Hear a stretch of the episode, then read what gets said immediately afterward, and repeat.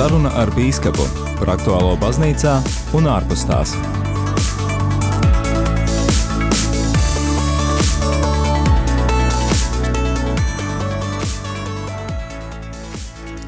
Mīļie radio Marija Latvijas klausītāji, esiet sveicināti šeit radio Marijas studijā pie studijas pults un pie mikrofona es Māris Veliks. Un ir pienācis mūsu ikmēneša tikšanās laiks ar kādu no Latvijas diecēžu bīskapiem, un tādēļ šajā vakarā man ir prieks sveicināt Rīgas diecēzes palīgbīskapu Andri Kravali, kurš mums šoreiz ir pievienojies attālināti, lai ir slavēts Jēzus Kristus. Mūžīgi mūžos, lai slavēts. Paldies, ka radāt iespēju būt kopā ar klausītājiem, un es klausītājiem arī uzreiz vēlos atgādināt, ka priekšroka šajā raidījumā ir jūsu iesaistēji, jūsu jautājumiem. Tātad, ja jums ir kādi jautājumi saistībā ar garīgo dzīvi, ar kādiem pastorāliem jautājumiem saistītas tēmas vai kaut kas, ko vēlaties uzzināt par baznīcas aktualitātēm, tad ēters ir jūsu rīcībā. Numurs studijā, ja vēlaties mūs sazvanīt, ir 67 969 131. Savukārt īziņas un vatsapziņas gaidām uz numuru 266 77 272. Un, protams, arī sirsnīgs sveiciens ikvienam mūsu skatītājam. Atgādinu, ka šo raidījumu var ne tikai klausīties, bet arī skatīties gan mūsu YouTube kanālā, kā arī Radio Marija Latvija Facebook lapā. Neaizmirstiet ielikt īkšķīti, padot tālāk un arī ierakstīt kaut ko komentārā. Droši arī Savus jautājumus varat komentāru sadaļā atstāt un priecāšos tos nolasīt ēterā. Bet, uh, ekscelence, viena no, viens no mērķiem šim raidījumam ir arī kopā ar bīskapiem pārunāt to, kas šobrīd ir aktuāls saistībā ar baznīcas dzīvi, kas ir pēdējā mēneša laikā noticis, Un es vēlētos jums dot iespēju, ekscelence, pastāstīt, kas tieši jūsu prāt šobrīd ir tā svarīgākā aktualitāte jūsu kā bīskapa kalpojumā? Un arī Latvijas baznīcā kopumā. Paldies, Māri, par šo iespēju. Paldies arī par šo tehnisko iespēju. Es esmu gulben, esmu pie saviem vecākiem. Es esmu savā dzimtajā mājā, rožlējās. Un, Skaisti. Priecāj, priecājos, ka varu satikt manu mammu arī. Un, viņa vēlējās satikties un jutās nevesela. Un tāpēc ļoti agri no rīta devos jau šejieni. Bet dažreiz varbūt klausītājiem šķiet, ka, nu, ar ko tad biskupi nodarbojās, nu, kāda ir viņa darba diena, ko viņi dara. Mm, nu, man šodien pēc svētās misijas bija svētbrīdis Rīgas domē. Tad, tad tur ar ērģelnieku mēs arī pusstundu garu lūkšanu vadījām, pārdomājām Dievu vārdu, kopā lūdzamies. Bieži un, notiek šādi svētbrīži? Tad, tad tur notiek katru nedēļu. À. Un tur nāk tiešām gan domas darbinieki, mm piemēram, arī šodien bija arī Rīgas mērs Mārtiņš Staķis. Un tāpat arī manā kalpojumā ietilpst svētbrīži pie saimas. Tāpat arī saimē ir kapela un praktiski katru ceturtdienu ir svētbrīdis, kuru vada dažādu konfesiju garīdznieki. Tad bez Marijas Magdalēnas draudzes pienākumiem ir šīs divas tādas pastorālās nu, rīcības vietas, un tas, protams, arī dod iespēju vairāk satikties ar cilvēkiem, parunāt par Rīgas aktualitātēm, parunāt par to, kas notiek sabiedrībā, un kā arī varbūt baznīca spēja ietekmēt, vai kā viņam labāk to varētu ietekmēt, par tiem procesiem, kas ir sabiedrībā. Un, nu, kā garīdzniekam, man, protams, ir arī draudzene. Es priecājos, ka cilvēki tiešām nu, gatavojas sakramentu pieņemšanai. Mums nācās saskaitīt, piemēram, cik pagājušā gadā pieņēma kristības sakramentu draudzē. Tad mūsu draudzē vairāk kā 400 cilvēku. Tad tas liels arī. Skaisti. Rekā vairāk nekā gadā dienu. Nu, jā, tas tiešām ir. Jā, malači. Arī, un arī laulības ir gandrīz pie simts, un arī mums tagad pat labaniet viena grupa, kas gatavojas jau laulībām, un nevarējām paņemt visus. Jau lieldienās būs otra grupa, un arī alfa kurs ir iesācies. Tā kā es domāju, ka man kā biskupam ļoti svarīgi ir būt nu, ar draugu, ar dieva tautu, un reizē arī man ir tā privilēģija, ka es nu, pilnā mērā nenesu visu atbildību par diecēzi, jo es tikai nu, palīgu biskups. Nu, personīgi, ja tu man jautāji, kas man tad ir, tad es apzinos, ka nu, maijā tie būs jau četri gadi, kopš man ir uzticēts šis kalpojums. Es gribu teikt, ka nu, tas ir ļoti nu, skaists kalpojums redzēt, kā Dievs darbojas draudzēs, kā Dievs darbojas cilvēku sirdīs. Arī nu, satikt studentus, arī pasniedzu lekcijas ar Arzi. Tagad ir atsākušās ar lekcijas. Un nu, var redzēt, kā baznīca iet savu ceļu, pat ja daudziem šķiet, ka varbūt ir pārbaudījumi, krīzes, dažādi Tā mums uzkārās pildā. Ā, tagad mēs dzirdam. Nav, Tirdznieks ļoti, ļoti nu, labi redzu. Un, um, tāpēc vienmēr nu, ir prieks veikt šo savu kalpošanu, kā tāda liela privilēģija man bija iespēja būt arī svētajā zemē un uh, jauno gadu sagaidīt Grieķijā, esot uh, Atona kalnā, būt arī pa apustļa Pāvila pēdām, redzēt, kur viņš rakstījis vēstulis, būt Tesaloniķošs Un uh, arī satiekoties ar nu, citu valstu biskupiem, redzēt varbūt, Eiropas situāciju, pārunāt dažādas aktualitātes, un arī, ja tā var teikt, redzēt dažādas iniciatīvas, ko baznīca dara.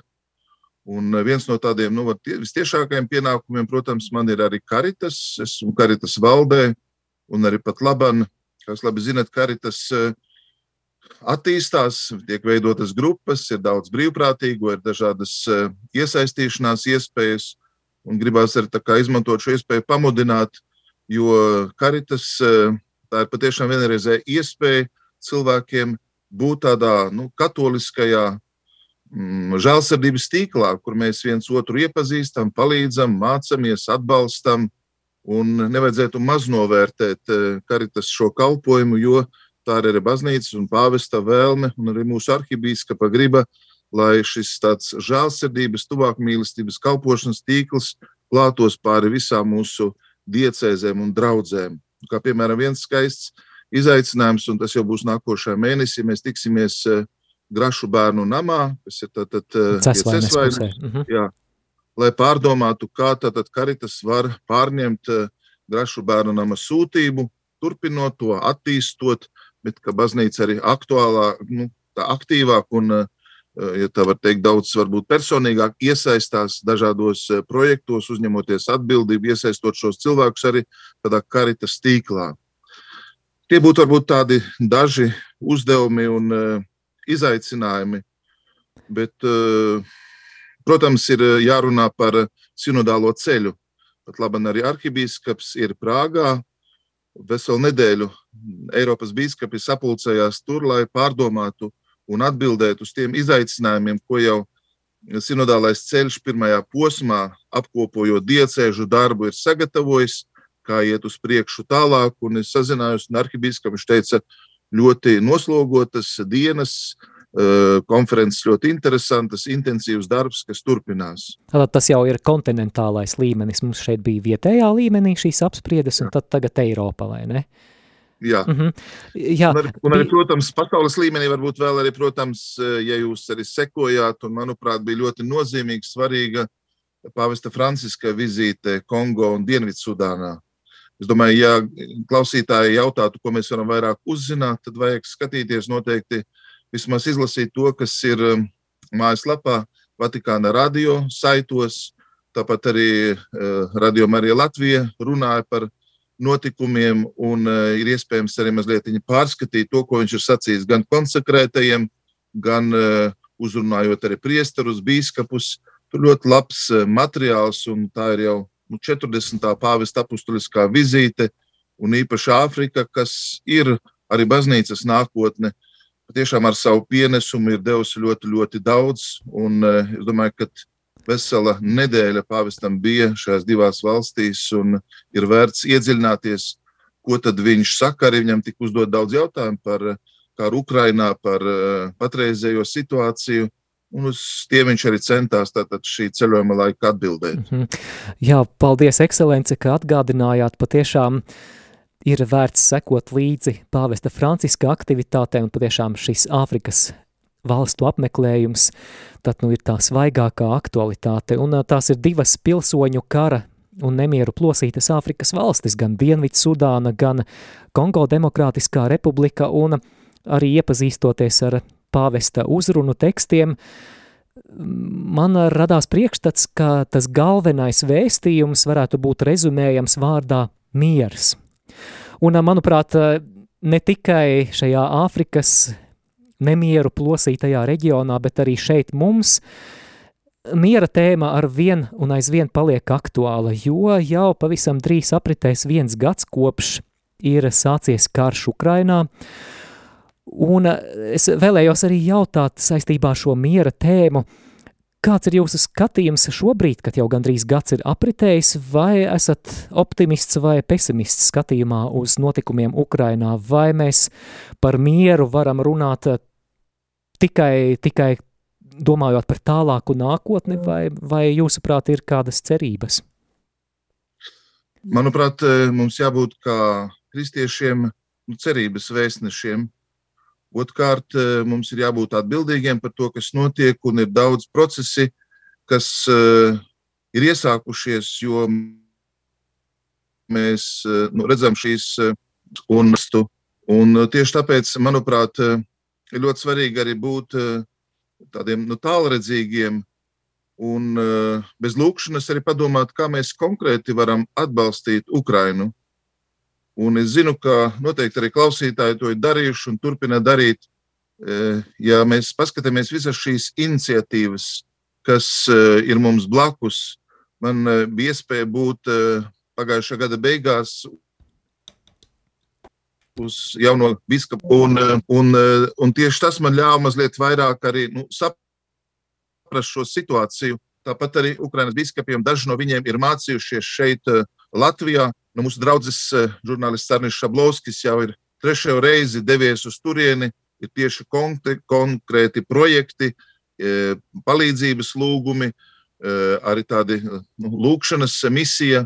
Mēs domājam arī par vienas adorācijas kapelas izveidošanu, bet ir, protams, arī dažādi citi veidi, kas palīdzētu cilvēkiem saprast notiekošo šeit, būt vairāk pārliecinātiem un būt vairāk arī patiesībā ne tikai nu, tādā nu, informācijā, kas bieži vien var tikt arī manipulēta, bet kad mums tieši kontakts kaut vai caur, piemēram, karitas eh, organizāciju, kad viņi vēršas un lūdz konkrētas lietas, kad mums atbrauc gan mākslinieki, gan, piemēram, Svētās ģimenes mājā darbojas eh, Ukraiņu eh, tika, ne tikai darbinieki, bet arī brīvprātīgie. Mums ir tikšanās arī ģimenes mājā katru nedēļas nogali tad satiekoties ar šiem cilvēkiem, mēs redzam skaidrāk un labāk notiekošo.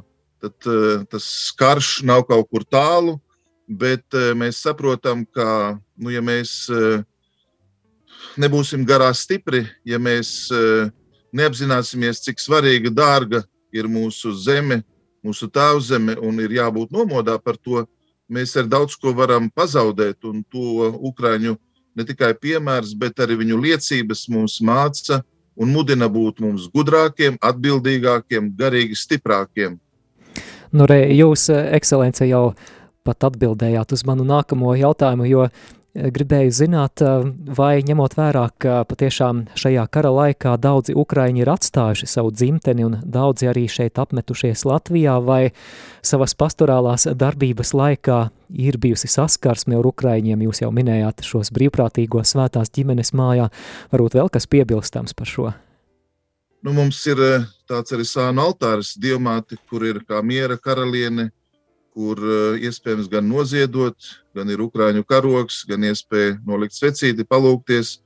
Un eh, vairāki ukrāņi ir nākuši un pateikušies. Un tad arī, piemēram, vakar aizvakar man bija jaunietis eh, Aleksandrs, kas atnāca uz draugu un piedāvājās palīdzēt. Mhm. Viņš nodarbojās ar kickboksu un pārstāvēs Latviju starptautiskās sacensībās, uz kurien mhm. jau ir devies. Un ļoti konkrēti, nu, piemēram, ar viņu uh, un ar šiem cilvēkiem, kas īstenībā ir ļoti tuvu blakus. Es domāju, ka draudzēm būtu jābūt nu, atvērtākām un uh, jāmeklē iespējas satikt eh, šie cilvēki, jo bieži vien viņi nezina, kur ir draudzes, uh, kur varbūt iespējams satikt garīdznieku, kur iespējams saņemt atbalstu. Nu, tad šis jauneklis, piemēram, pastāstīja par savu ģimeni, savu māsu. Priecājamies, ka viņam varam iedot gan pārtiku, gan, gan vēl citas tādas pirmās nepieciešamības lietas. Un, nu, esam kaut kā gandarīgi. Viņš saka, pēc sacensībām es atbraukšu, es būšu kā brīvprātīgais, vēlos iesaistīties jūsu draudzes dzīvē. Protams, Skaisti. ir uh, valodas barjera, bet arī uh -huh. tās ģimenes mājā, piemēram, ir valodas kursi. Ir gan latviešu valodas, gan angļu valodas kursi. Un šie cilvēki arī nāk, ir laipni, apgūst, un tik cik viņi arī iemācās, viņi ir runā. Tāpēc uh, es domāju, ka Dievs tieši tādā veidā mūs var bagātīgi svētīt, un mēs arī paši varam būt, ja tā var teikt, no tā pirmā avota informēti, būt arī saskarsmē ar notiekošo, ne caur varbūt eh, kā kaut kādas preses starpniecību vai caur kaut kādiem fondiem vai palīdzībām, bet uh, es domāju, ka katram no mums ir kaut kas tāds, ko mēs varam dot, ar ko mēs varam padalīties. Es zinu cilvēkus, un, piemēram, te man nāk prātā muzejnieki, uh, muzeja darbinieki sacīja, mēs palīdzēsim savējiem, mēs aizsūtīsim to, kas viņiem visvairāk ir nepieciešams. Mēs izrevidēsim mūsu skapjus, mēs e, arī atteiksimies no kaut kā, bez kurām mēs varam iztikt, bet ar kuru mēs labprāt padalītos, jo tas viņam ir ļoti nepieciešams. E, piemēram, kāds dators, planšete vai kāds cits saziņas līdzeklis. Un, tā, tie konkrēti soļi, kas mūs dara bagātus, jo svētīgāk ir dot nekā ņemt. Mēs paši ar to tiekam svētīti. Jā, paldies, ekscelence. Pēc brīža mēs turpināsim arī ar citiem tematiem.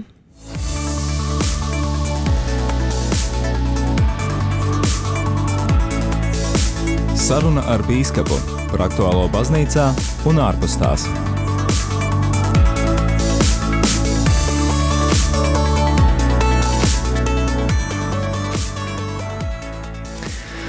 Manuprāt, arī daudz eh, skaistu notikumu ir eh, norisinājušies eh, aizvadītā mēneša laikā, un tas, par ko vēlējos arī īsumā parunāt, no 18. līdz 22. janvārim visā baznīcā un pasaulē mēs svinējām lūkšanu nedēļu par kristiešu vienotību, un šīs lūkšanu nedēļas ietveros viens no, manuprāt, lielākajiem pasākumiem šogad bija ekumēniska slavēšana, ekumēnisks lūkšanu vakars Rīgas svētā Alberta baznīcā, un es zinu, ka jūs, ekscelence, arī ņēmāt dalību šajā pasākumā, un vēlētos, lai jūs padalāties, kas jūs personiski visvairāk uzrunāja. Mūsu arhibīskaps ir izteicies par to, bet es personīgi piedalījos eh, divās eh, tikšanās, kas eh, sagatavo šo lūkšanas vakaru. Un tad biju pārsteigts par to atsaucību, ieinteresētību. Pirmās reizēs bija arī pareizticīgo pārstāvis Priesteris Jānis Drabants, un bija ļoti liela interese, bija tādu viedokļu, domu, iniciatīvu uzklausīšana un apmaiņa.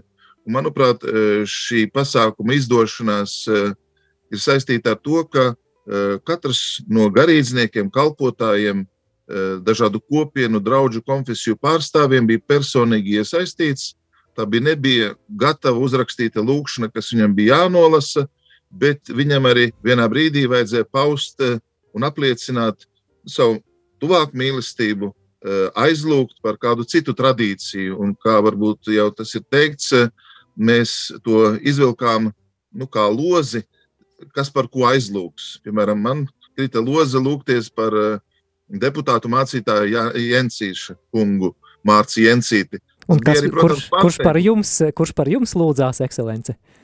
Tātad par mani lūdzās no armēņu tātad, oh. katoļu mm -hmm. garīdznieks, kas aizlūdza par mani pirms tam.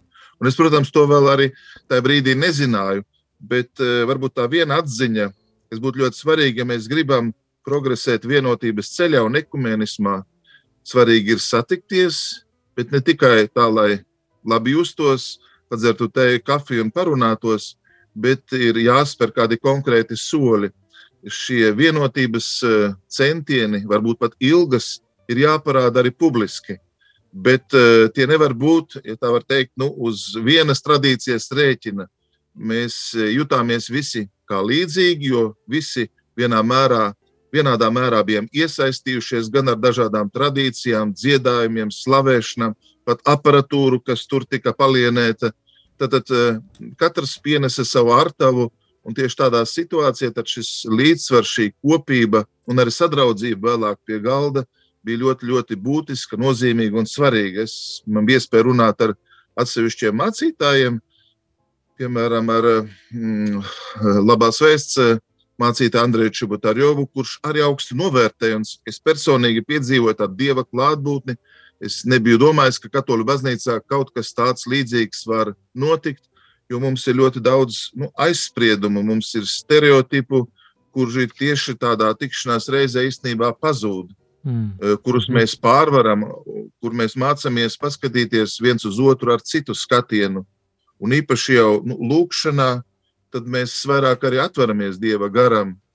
Mēs atveramies eh, tad, kad kopīgi lasām un pārdomājam Dieva vārdu, tad, kad mēs baudām maltīti. Manuprāt, ļoti skaists uh, vienotības instruments ir alfas kursi. Tad mēs uzaicinām mācītājus, tāpat kā mūsu uzaicina citas konfesijas, kad mēs arī to uzsveram, šo vienojošo faktoru, kad mēs arī nerunājam slikti viens par otru, kad mēs arī meklējām tās kopības e, zīmes. Un domāju, ka šeit nu, radio Marija Latvija, es domāju, arī Kristīgais radio un citi mēdīji veids tādu ļoti nu, svētīgu darbu. Es arī gribu pateikties šeit e, Kristīgā radio eh, prezidentam Tālvaldam Talbergam par raidījumu, kuram jau ir, nezinu, 17, 18 gadi, kur tātad viņš eh, piecu tradīciju, piecu konfesiju pārstāvis apsēdinā pie galda un praktiski katru nedēļu mēs tiekamies, bet ne tikai ēterā, bet tiekamies arī sadraudzības laikā, tiekamies pie galda, pārunājam, uzklausām, dalāmies, analizējam. Un eh, tieši tādā veidā, var teikt, eh, dzimst uzticība, paļāvība, tad savstarpēja cieņa. Jā, pirms mēs eh, turpinām sarunu, es klausītājiem vēlos mazliet, mazliet atskaņot fragmentiņu no armēņu apustuliskās baznīcas priestera dziedājuma tieši no šī ekumeniskā lūkšanu vakara Rīgas svētā Alberta baznīcā. Mazliet paklausīsimies, dzirdēju ļoti, ļoti labas atsauksmes, cilvēki bija ļoti uzrunāti. Փորքես Տեր Աստված մեր, որ բարգևեցես արազայս բարյով,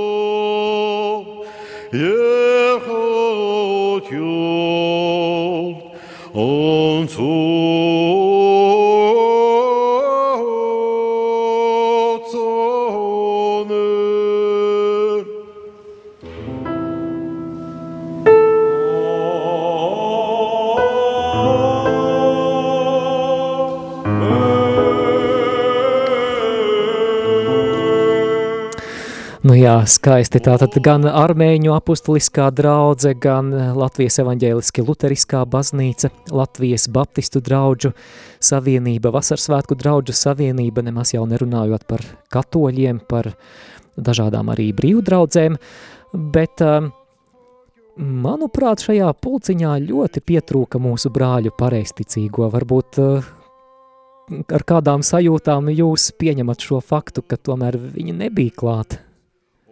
Nu, es e, tajā sacīju, mazliet atkārtošos, ka viņi bija sākumā sagatavošanas posmā. Viņu klātbūtne jau nu, de, deva tādu zināmā mērā nu, vēlmi kopīgi lūgt. Bet es domāju, ka katram varbūt ir savs laiks. Es gribu padalīties par skaistu notikumu, kas notika sestdien pie manis e, Marijas Magdalēnas draudzē, Svētās ģimenes mājā.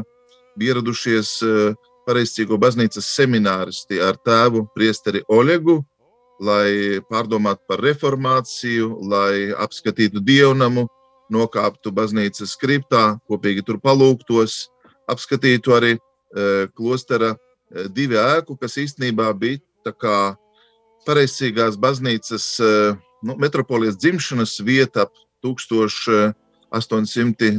30. gadiem un arī nogājām svētās ģimenes mājas pagrabos. Tas bija, bija skaista tikšanās, un es domāju, ka ir dažādi nu, centieni uh, un, un pūliņi, uh, kā mēs varam tuvoties, kā šo tuvību viņa meklē.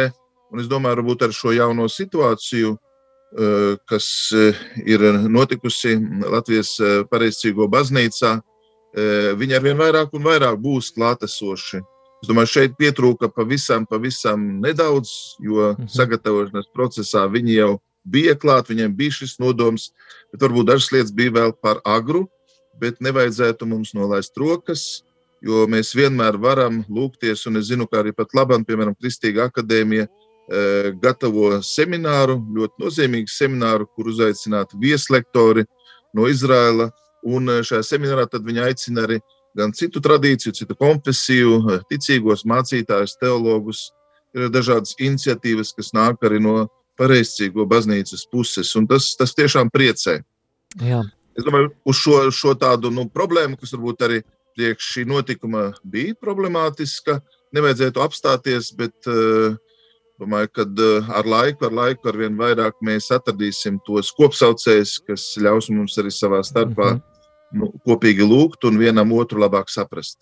Jā, tad nu šo kristiešu vienotības un ekumēnisma tēmu mēs noslēdzam ar cerīgu noti, bet eh, vēl ekscelence viens no, manuprāt, zīmīgiem notikumiem arī mūsu baznīcas dzīvē pagājušajā nedēļā. Mēs baznīcā svinējām kunga epifānijas svētkus, jeb eh, tautā sauktu par zvaigznes dienu, bet 2. Eh, februāris baznīcā arī tiek svinēts kā konsekrētās dzīves diena. Un tiešām mēs no sirds esam pateicīgi ikvienai konsekrētajai personai, par viņu veltīšanos, par viņu aicinājumu. Paldies, ka jūs darāt mūsu baznīcu skaistāku un bagātāku. Bet mm, ņemot to vērā, atzīšos pārņem diezgan dīvainas emocijas, lasot šādu pavisam svaigu ziņu Katolis LV portālā. Un ziņa ir šāda. Šovasar tiks slēgts Betānijas Dominikāņu māsu klosteris, kas atrodas Rīgā, Drustu ielā 36a ziņo māsas. Pēc rūpīgām pārdomām šādu lēmumu 4. februārī pieņēma kongregācijas ģenerāla kapituls. Nu, tāda lūk ziņa, bet eh, kā jūs, ekscelence, komentētu šo notikumu? Es sākšu ar pozitīvo. Paldies Labi. par šo tādu atgādinājumu. 2. februāris ir Dievam veltīto konsekrēto dienu, un paldies Radio Marija, kas translēja dievkalpojumu no Marijas Magdalēnas draudzes, kur mēs bijām sapulcējušies, gribu teikt, pat lielā skaitā bet arī burtiski divu dienas pēc tam, 4. februārī, apustuliskais nuncijs ieradās no Viļņas un pavadīja kopā ar mums veselu dienu, un mēs no jauna tikāmies pie nabadzīgā bērna jēzus māsām dienas garumā, baudījām pusdienas, bija sarunas, darbs grupās, dievkalpojums arī bija Marijas Magdalēnas draudzē, un es gribu teikt, ka e, šī ziņa arī, protams, e, tika izrunāta, arī pašas māsas nu, izstāstīja par šiem 28 gadiem, ko Betānijas māsas ir pavadījušas Latvijā. Un, eh, protams, viņu ietekme un viņas darbs nekur nepazudīs. Kā jūs varbūt arī labi zinat, māsa Diana arī paliks eh, šeit, Latvijā. Un vienkārši šī pati struktūra, kā klosteris, lai konsolidētu spēkus, lai tos apvienotu vairāk, nu, tiek aizvērts. Un man bija iespēja vēl kā jaunam semināristam un pēc tam jaunam priesterim redzēt, kā nu, šis klosteris dzimst, kā pirmās māsas no Holandes ierodās, kā māsa Mariolaine bija tā, kas eh, nesa šo projektu, kas eh, arī uzrunāja, tā var teikt, latviešu māsas un kā iesākās formācija un pirmie aicinājumi. Es domāju, ka konsekrēto dzīve Protams, tas ir jautājums, un daži varētu jautāt uzreiz, kā ir ar garīgo semināru, cik tur ir aicinājumu. Bet nevajadzētu apstāties pie šīm grūtībām, bet pirmkārt pateikties par to darbu, ko māsas ir izdarījušas, raudzīties ar paļāvību un cerību, un varbūt arī, lai šis izaicinājums liek mums pašiem domāt, ko mēs darām, kāda ir mūsu atbilde, vai mēs gribam aicinājumus mēs par tiem lūdzamies, vai mēs tā, Francija ir izteiciens, vai mēs nedomājam par dievam veltīto vai priesteru dzīvi. Tā kā nu, ir labi, ka viņi ir, tas ir kā autoceļš, ļoti ātri var aizbraukt, ļoti visiem ērti, bet galvenais, lai tikai viņš ir tālāk no manām mājām. Lai man viņš netraucē, lai es viņu nedzirdu, lai, uh, lai man nav kaut kādi sarežģījumi. Tā, tā attieksme nebūtu īsti pareiza. Mums patiešām gan ģimeņu, gan draugu, gan arī diecējas līmenī būtu vairāk jāpārdomā, kādā veidā mēs varam veicināt šo darbu. Ja jūs jautātu, kā es to redzu rietumos, tad es redzu, ka ļoti daudz aicinājumu nāk piemēram no skautu kustības. Polijā es redzu seminārus, kas katru mēnesi uzņem interesantus, lai pavadītu vienu dienu kopā ar semināristiem. Es domāju, nav jau tikai uh, aicinājums priesterību, ir ļoti skaists aicinājums būt par precēto diakonu, būt par pastāvīgo diakonu. Un uh, arī konsekrēto dzīve, dievam veltīto dzīve, ir ļoti, ļoti skaista. Viens no secinājumiem, kas bija, esot kopā ar Nunciju, ka jā, Latvijā baznīca ir nabadzīga, bet tā ir jauna, tur ir daudz enerģijas, liels ir potenciāls, bet mums ir nu, jārēķinās ar to, ka mums nav lielu struktūru, lielu klosteru, milzīgas kopienas, Eh, padomu laiks arī visu to ir, ja tā var teikt, nu, sekmīgi noslaucījis, eh, centies, lai viss tas tiktu aizmirsts. Bet eh, man gribās atgādināt, ka, piemēram, Marijas Magdalēnas draudzene var šogad svinēt 500 gadus kopš jēzuītu kolēģija darbojas šeit, mūsu dievnamā. Atcerieties, ka tik daudz dievnami, nu, kā piemēram Aglona vai Skaiskalne, tos ir cēluši ordeņa cilvēki kopienas, tie būtu dominikāņi vai jezuīti. Tāpat arī neaizmirst franciskāņu klātbūtni šeit, Latvijā. Un mums ir šīs dziļās saknes, tikai es domāju, padomu laiks eh, ir eh, stipri, ja tā var teikt, satricinājis, un mums no jauna jārod iespēja, nu, kā tad šo dievam veltīto, konsekrēto dzīvi atjaunot, nostiprināt. Mm -hmm. Jā, tad eh, patiešām jūs minējāt lūkšanu, un tad neaizmirsīsim ikdienā. Iniciatīvas, jā. jā, varbūt kaut kādā veidā mēs arī varam padomāt. Es domāju, ģimenes vai mēs esam gatavi saviem bērniem eh, runāt, atklāt, iepazīstināt ar šo nu, dievam veltīšanos iespēju, kas uh -huh. ir mhm. gan priesterībā, konsekrēto dzīvē, vai ja, ja vecāki nepieļauj tādu iespēju, tad iedomājieties, cik grūti to eh, tā, nu, atklāt eh, bērnam, ja nekas to neveicina. Un, ja pat ja viņš redz to draudzē, viņa ir vēlme, bet ja šis nodoms netiek uzturēts, izkopts eh, ģimenē, tad dažreiz šis aicinājums tā arī neiziet līdz galam. Manā prātā Svētais Jānis Bosko, kas saka, vienai trešdaļai jauniešu ir aicinājums uz garīgo kārtu. To svētais saka, vienai -hmm. trešdaļai. Tad iedomājieties, cik mums būtu e, priesteru, konsekrēto cilvēku, un kāda būtu nu, Latvija, ja būtu vairāk cilvēku, kas sevi veltītu nu, šim svētīgam darbam un atbildētu uz kunga aicinājumu. Es domāju, ka kungs aicina un turpina aicināt jautājums, vai mēs esam dzirdīgām ausīm, atvērtām sirdīm, vai mēs esam gatavi paklausīt, vai mēs e, nu, esam gatavi arī uzņemties to risku, varbūt arī to tādu upuri, par kuru pat varbūt līdz galam mēs nenojaušam, bet kas kļūst par lielu svētību mums, mūsu Jā. tautai, baznīcai. Hm. Ģimenes eh, droši vien ar bērniem varētu arī paciemoties kādos klosteros, un kas to lai zina, varbūt kāda aicinājuma sēkliņa tad tur krīt eh, jaunā sirsniņā, bet eh, Tagad es skatos, kā mums ir pienācis klausītāju jautājums, un tas mums liek atgriezties pie kristiešu vienotības tēmas un pie lūkšanu pasākuma svētā Alberta baznīcā. Tomēr kāds klausītājs grib ļoti zināt, kādēļ tad uh, brāļi pareisticīgie nevarēja piedalīties, ja to drīkst vispār teikt. Man liekas, būtu tā nu, eh, nepareizi atbildēt viņu vietā, ļaut uh mhm. -huh. viņiem to darīt Bet uh, iesākumā tā tad uh, bija šī atvērtība, šī vēlme un arī līdzdalība sagatavojot šo pasākumu. Bet tuvojoties šim pasākumam, tad uh, uzzinot arī par to, cik dažādi mēs būsim, cik dažādas gan jaunās draudzes, jaunās kopienas būs klātesošas.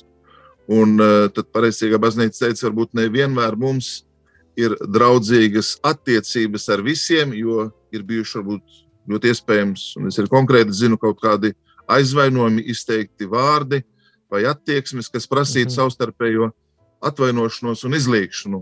Tā mazliet ir mana interpretācija, bet es domāju, ka tieši tas bija par iemeslu ka tā, tādā kopībā publiski netika lūgts, jo varbūt nebija izdarīts šis mājas darbs, kas ir jāizdara jaunajām, varbūt baznīcām, kopienām. Tik daudz es varu pateikt, es domāju, ka klausītājs to tā arī saprot. Jā, Pareizcīgā baznīca, manuprāt, arī viņa nu, iesaistās, piemēram, TZ pasākumos. Viņa bija iesaistījusies konkrēti un aicināta TZ brāļus. Un, uh, ir daudzas aktivitātes, kur viņi ir klātesoši un neatsaka. Mhm, jā, noteikti. Vēlos, eh, pirms mēs turpinām sarunu, atgādināt klausītājiem par iespēju iesaistīties. Vispirms eh, vēlos vēlreiz sirsnīgi sveicināt ikvienu, kas mūs šobrīd skatās Facebookā vai YouTube'ā.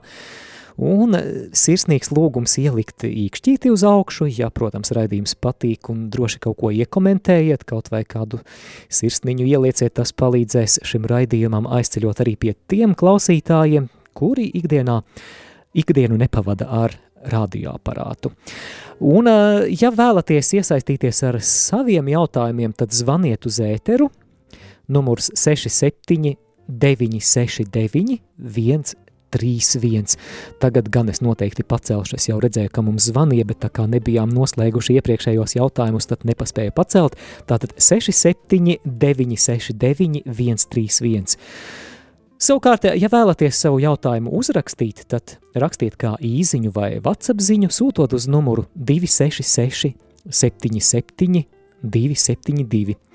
Arī e-pasta iespēja studija at rml.lv un Facebookā arī komentāru sadaļā droši ierakstiet savus jautājumus.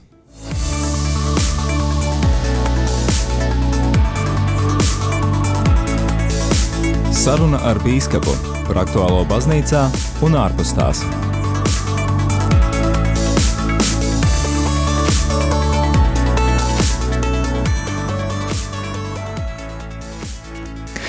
Kamēr mēs eh, gaidām eh, klausītāju jautājumus, tad um, manā personiskajā jautājumu vācelē vēl šis tas ir, bet um, tiešām mudinu klausītājus droši zvanīt, droši rakstīt, bet jautājums bīskapam Andrim ir šāds.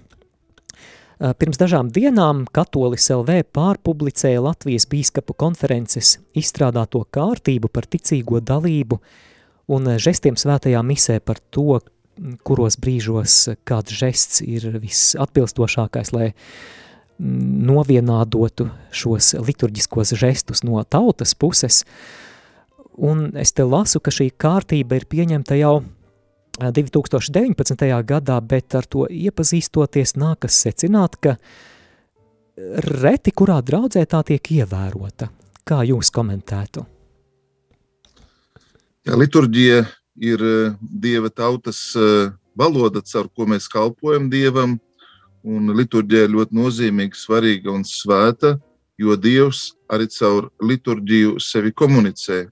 Gan savu vārdu, komunicē caur sakramentiem, kurus mēs svinām liturģijā. Un tāpēc eh, biskupa uzdevums ir būt nomodā par liturģiskām darbībām, arī redzēt, eh, kā tās eh, nu, atbilst tām normām, ko eh, Roma ir izvirzījusi.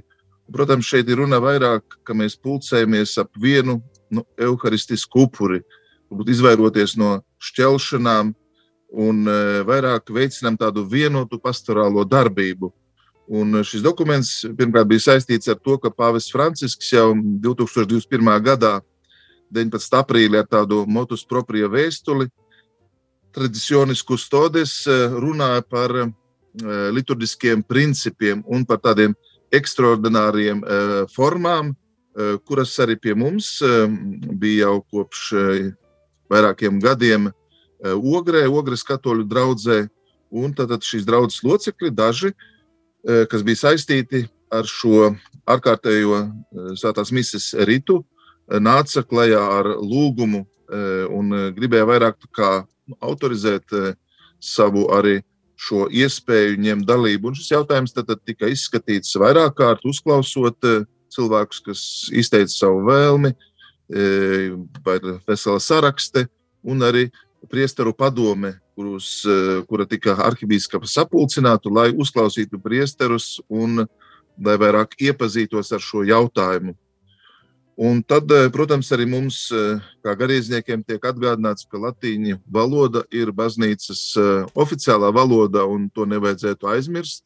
Jo bieži vien tieši uzsvars uz latīņu valodu ir tas, kas liek cilvēkiem nu, mīlēt šo ekstraordināro formu, svinēt svēto misiju, kā tā tika svinēta pirms Vatikāna otrā koncila. Un tad, tad piemēram, mūsu draudzē arī Pagājušā sestdienā vakara dievkalpojums bija latīņu valodā. Bet, protams, es redzu, ka cilvēki ir jāsagatavo. Nevienmēr cilvēki ir gatavi uzreiz. Nevienmēr viņi zina atbildes, ka tas prasa tādu nu, lielāku mm -hmm. liturģisko darbu Jā. un kultūru. Tas eh, skaidrs, jā, te mēs jau paņēmām arī citu tēmu, proti par, par latīņu misi vai tradicionālo misi, un patiešām arī katoli LV. Pavisam nesen tika publicēts raksts, un katoļu grupā, Facebook lapā es lasu pie šī raksta, kura nosaukums tātad par pirmskoncila liturģijas svinēšanu vietējā baznīcā. Redzu, ka tauta komentē, ka īsti nesaprot, tad ir tā tradicionālā mise atļauta vai tomēr aizliegta, kā tur ir. Tātad to tekstu izlasot, ne visi ir sapratuši, kā ir. Nu, es domāju, ka uh, viņa nekad nav bijusi aizliegta, bet uh, Svētais Tēvs ar šo dokumentu ir vēlējies, lai tā tiktu cienīgi svinēta ar izpratni, un, ja arī tā tiek svinēta, lai tas veicinātu uh, tādu kopību, pastorālo vienotību. Jā, tas skaidrs, bet jā, vai, jā. jautājums drīzāk ir, vai, vai Latvijā vēl būs šāda mise vai nebūs? To noteikti ir jāuzdod arhivīskapam. Mm -hmm. Tas ir pirmais solis, kad ir šis dokuments, kas rezumē mazliet arhivīskapam priesteru padomes pārdomas, kas tur ir izteiktas. Bet uh, arhibīskaps ir vēlējies dziļāk nu, iepazīties ar šo jautājumu, uh, mācīties no pieredzes, kas ir nu, citās uh, diecēzēs un citās valstīs. Un arī mēs saprotam, lai šādu formu, ekstraordināru formu svinētu, uh, ir vajadzīgas gan zināšanas, gan prasme, gan ir attiecīgi sagatavots garīdznieks. Mm -hmm. Un eh, tad, zinot, eh, ka jau tā ir garīdznieku trūkums, eh, vienkārši radīt vienu formu, kas nekad nav bijusi aizliegta, par to nav runa. Bet, nu, ja jau mēs svinam šo formu, tad nākošais jautājums ir, kāpēc mēs nesvinam sakramentus pēc šīs formas. Un, ja jau mēs svinam sakramentus, tad varbūt kāpēc tad mēs arī uh, E, nerunājam latīņu valodā, vai kāpēc e, latīņu valoda tiek aizmirsta. Izrietošie jautājumi turpina nu, tādā veidā akumulēt, un uz tiem būtu jāatbild, jo nu, cik tālu mēs ejam šajās prasībās. Vai, e, ši, ši, ši, ja tā var teikt, šis dievkalpojums šajā formā ir saistīts, protams, arī ar draugu. Un kura ir tā draudzene, vai tie ir tikai Latvijas atsevišķi ieinteresēti cilvēki, kas tomēr neveido vienu draugu integrāli, bet sabrauc no ļoti dažādām vietām. Tie ir visi pastorāli jautājumi, kas tiek pacelti. Jā, jautājumi te viennozīmīgi. Mm -hmm. Viennozīmīgi negribam arī atbildēt. Jā, jā tad tā plaša tēma, to varbūt atstāsim citai reizē, bet tas, tas, ko es vēlējos jautāt, ir mazliet par citu tēmu, proti jā. par bīskapu konferences 2019. gadā pieņemto instrukciju, kā ticīgajiem jārīkojas dažādos svētās mises brīžos, proti vai uz Dieva jēru mēs stāvam kājās vai uz ceļiem, un tātad šis dokuments es lasu, ka ir pieņemts 2019. gadā, un pirms dažām dienām arī vēlreiz pārpublicēts mājaslapā katolis.lv, un jautājums ir šāds, ka ir pagājuši vairāk nekā trīs gadi, bet uh, lielā daļā draudžu šo, ši, šos norādījumus neievēro. Kā jūs komentētu šo? Proti ir draudzes, kur, kur uh, dieva jērs uh, tiek pavadīts tautai kājās stāvot, ir draudzes, kur dieva jērs ir esot uz ceļiem, un kad sanākam kopā, piemēram, aglonā, tad skatāmies viens uz otru un domājam, kuram tad tā pareizākā versija un kā īsti rīkoties. Es domāju, ka svarīgi ar šo dokumentu iepazīties un pirmkārt jau garīdzniekiem mēģināt to pakāpeniski nu, skaidrot, ievadīt šīs pārmaiņas, bet tas nav uh, vienkārši un uzreiz izdarāms vienā dievkalpojumā, jo uzreiz būtu arī pretestība. Protams, es saprotu, ka ir pagājuši jau trīs gadi, jau ceturtais gads, un var jautāt, cik tālu mēs esam šajā procesā. Bet es atbildēšu ar tādu varbūt pretjautājumu. Arī Katoliskās baznīcas katehizmā mēs varam lasīt, es ticu, tātad formulējumu, ja, kurš arī vismaz trijās vietās atšķirsies no tā, ko mēs ikdienā lūdzam. Un es atceros jau kardināla Jāņa Pujāta attieksmi. Viņš sacīja, liturģijā tā tas ir, ja tā var teikt, iegājis un vajadzīgs liels skaidrošanas darbs, izpratne, lai mēs kaut ko no liturģijas pamainītu. Bet, protams, vajag vienmēr tiekties uz lielāku vienprātību, un, ja jau biskupu konferences šeit izdod šo dokumentu, tad tas ir saistošs, aktuāls. Bet tur arī varbūt šajā dokumentā nav pateikts, ka mums šīs izmaiņas jāievieš līdz tādam vai citam datumam. Mhm. Bet ir labi, ka viņš no jauna tiek nopublicēts, jo es eh, mazliet šo saistīju arī šo, šo Vatikānu, pirms Vatikāna otrā koncila liturģiju, kur kā viens no pārmetumiem izskanēja, ka varbūt liturģija netiek uh, pievērsta liela uzmanība, ir daudz interpretācijas, un te tieši šīs mises prasības būtu kā uh, lielāks standarts. Un mēs varbūt šo kritiku arī tādā veidā uzņemam un saprotam, ka par liturģiju ir jārunā. Prieks, ka arī radījumā arī Latvija runā, ir raidījumi, par to arī mācās rārzi. Ir svarīgi, ka arī garīdznieki dievkalpojumos skaidro liturģiju. Un uh, Nu, patiesībā nav daudz eh, liturģijas grāmatas, kuras mēs varētu izlasīt. Eh, kardināls Lustižē runā par svēto misiju, piemēram. Ļoti viena... laba grāmata, starp citu, jā. Jā, kardināla Lustižē grāmata. Man, mani ļoti uzrunāja, ka viņš, būdams eh, ebrejs pēc tautības, kā viņš velk paralēlis starp uh, jūdu liturģiju starp veco derību un arī misi, tā ka, ja, ja vēl kaut kur var atrast to grāmatu, tiešām tā ir iesakāma, bet, bet vēl tikai pēdējais precizējošais jautājums par, par šo uh, instrukciju par ticīgo dalību un žestiem svētajā misē, uh, vai arī Magdalēnas draudzē uh, tas tiks ieviests? Mēs neesam izņēmuši no pārējām draudzēm. Mums ir jātiecas Jā. uz lielāku vienprātību, jo e, jūs ļoti pareizi atzīmējat, esot aglonā, nu nevajadzētu tā, ka viena puse dara tā, otra dara tā. Viena diecēze rīkojas tā, un uh, liturģija ir veids, kur mēs parādām mūsu kopību. Mm -hmm, un tāpēc, ja jau ir etalons un dokuments, tad būtu pie tā jāpieturās. Jā, tad uh, esam uh, procesā. Un uh, visbeidzot, no manas puses noslēdzošais jautājums ir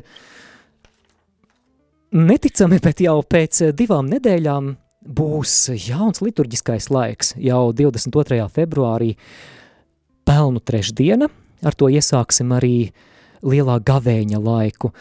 Un, kā mēs teikt, kamanas kaļ jau vasarā. Un, manuprāt, vislabākais veids, lai auglīgi izdzīvotu šo lielā gavēņa laiku, ir sākt par to domāt jau tagad.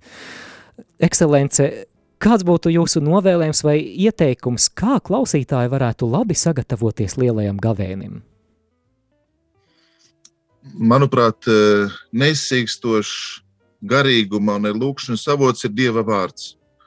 Un viss, kas jums palīdz dzīvot ciešāk ar Dieva vārdu, arī ar liturģiju, ar eh, gaveņa laika liturģiju ir ļoti ieteicams, slavējams un eh, vajadzīgs šajā laikā. Tāpēc eh, es, piemēram, katru dienu vismaz vairākas reizes noklausos mieram tuvu lasījumus audio versijā. Un priecājos, ka tur jau ir iedziedāts psalms, priecājos, ka ir lūkšana, un tas man jau dod, ja tā var teikt, noskaņu dienai, noskaņu svētai misijai. Es domāju, arī e, lūkšanas no mieram tuvu. Arī e, tas, ko piedāvā radījuma arī Latvija, rožu kroņa lūkšanas, e, meditācijas, pārdomas, var kļūt par tādu nu, autentisku veidu, kā kopā ar baznīcu ejot, mēs labāk sagatavojamies šim laikam.